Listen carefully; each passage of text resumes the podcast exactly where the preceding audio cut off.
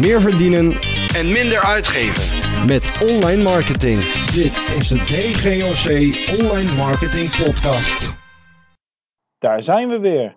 Nou, het heeft denk ik meer dan een maand geduurd, of misschien wel anderhalve maand, tussen de vorige aflevering en deze aflevering. Dat is met afstand de grootste, in dit geval onvrijwillige pauze die we ooit hebben gehad in de DGOC Online Marketing eh, Podcast. Nou, het heeft een hele duidelijke eh, reden. Eh, ik was eerst kort op vakantie, dat is op zichzelf niet zo spannend, maar direct daarna kreeg ik helaas de in Nederland zo keihard heersende griep. Die heeft me even aan de kant gezet en direct daarop volgend had ik een verkoudheid waarbij ik anderhalf tot twee weken helemaal geen stem had.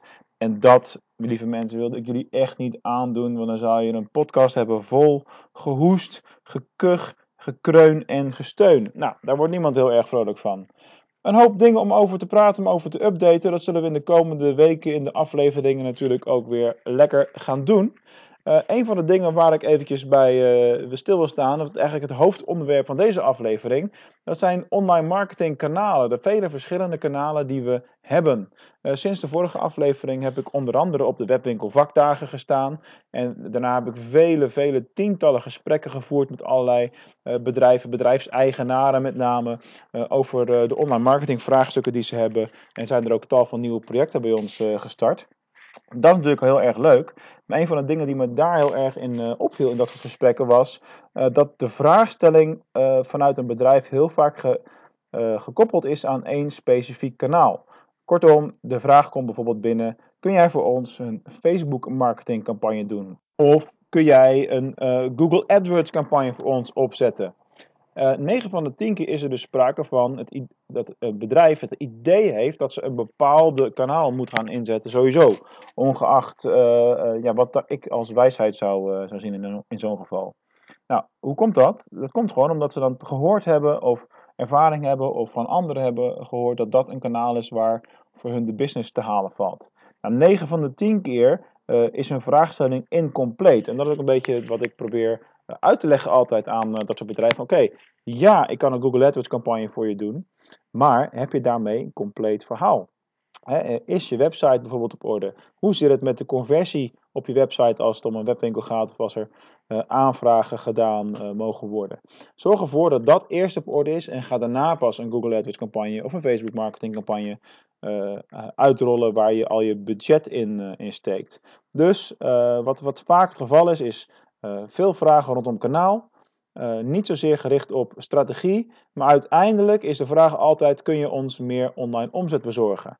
En als je doorvraagt, dan vinden ze het kanaal eigenlijk helemaal niet zo belangrijk. Dat is in ieder geval de grote rode draad die mij is opgevallen is. Dus stel jezelf eens de vraag: welke online marketingkanalen zet je op dit moment in? En welke kanalen uh, zijn voor jou succesvol en welke zijn wat minder succesvol? Werk je samen met een bureau? Stel hun dan niet de vraag van, joh, kun je voor ons Facebook uh, campagne maken of een AdWords campagne maken of een e-mail marketing campagne maken, maar stel de vraag, welke kanalen adviseer je ons om in te zetten voor een maximaal resultaat? Want dat is uiteindelijk het enige waar, je, waar het om gaat en wat je zou, zou willen natuurlijk. Dus we proberen ook de focus daarop te leggen. Iets anders wat ik volgens mij in op podcast nog helemaal niet behandeld heb en waar ik nu toch echt even bij stil wil, uh, wil staan, is het feit dat ik een nieuw platform heb gelanceerd. Dat platform heeft, tromgeroffel, ik heb geen muziekeffecten, dus ik doe het gewoon even zo, heeft de naam Succes met e-commerce. Nou, die naam zal je bekend voorkomen, hoop ik. Want dat is ook de titel van mijn eerste boek natuurlijk. Inmiddels alweer uh, bijna vier jaar geleden, drieënhalf jaar geleden is dat alweer dat het boek verscheen.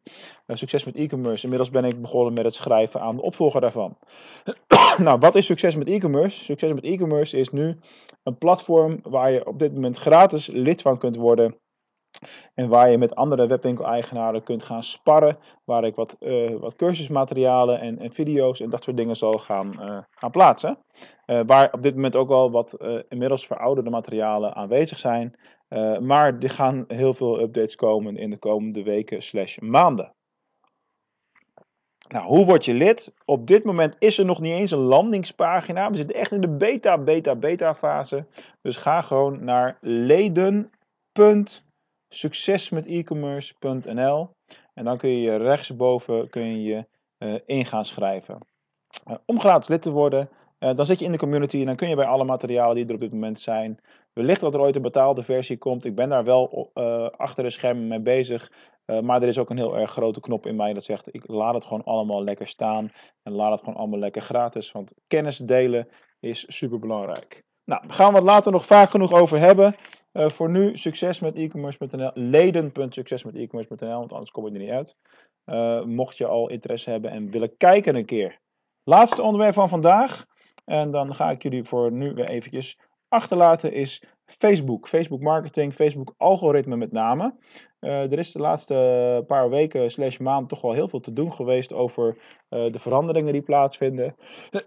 de veranderingen waar we hiermee te maken krijgen, die zijn al eerder uitgerold in Amerika.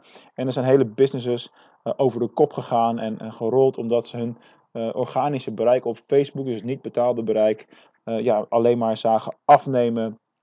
het werd er niet beter van, om het, om het zo maar te zeggen. Nou, wat is er aan de hand? We zitten al met z'n allen heel lang al op Facebook. Ik kreeg toevallig vandaag een bericht dat ik daar nu acht jaar lid ben. Um, ja, dat is natuurlijk hartstikke tof. Alleen uh, wat je merkt in de loop van de jaren als je lid bent, is dat je toch steeds vaker uh, content ziet, advertenties ziet, uh, dingen die niks met vrienden en familie te maken hebben. En daardoor wordt de interesse om veel op Facebook actief te zijn, wordt toch een stukje ja, kleiner. Nou, Facebook herkent dat probleem natuurlijk en vecht voor zijn bestaansrecht. Helemaal logisch. Kortom, zodra je de kraan bij bedrijven en bij pagina's het weer steeds verder dicht. Natuurlijk is dat dichtdraaien van die kraan al uh, vrij lang aan de gang. Alleen het wordt nu steeds, uh, steeds erger. Dus je moet steeds meer gaan betalen en steeds vaker gaan betalen om bereik op Facebook te realiseren. Dat wil niet zeggen dat Facebook niet meer interessant is. Alleen wees erop voorbereid dat je straks gewoon echt nul mensen nog bereikt op het moment dat je geen, geen betaalde advertentiecampagnes meer hebt draaien. Dus dit eventjes voor nu als korte ja, follow-up slash waarschuwing. Wees er bewust van dat Facebook en bereik de komende maanden alleen maar duurder zal gaan worden.